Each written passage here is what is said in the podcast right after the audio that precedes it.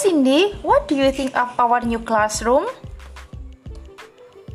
Hi Rosa. Mm, I like this class because it has an air conditioner. We can enjoy studying. Mm, I don't agree with you, Cindy.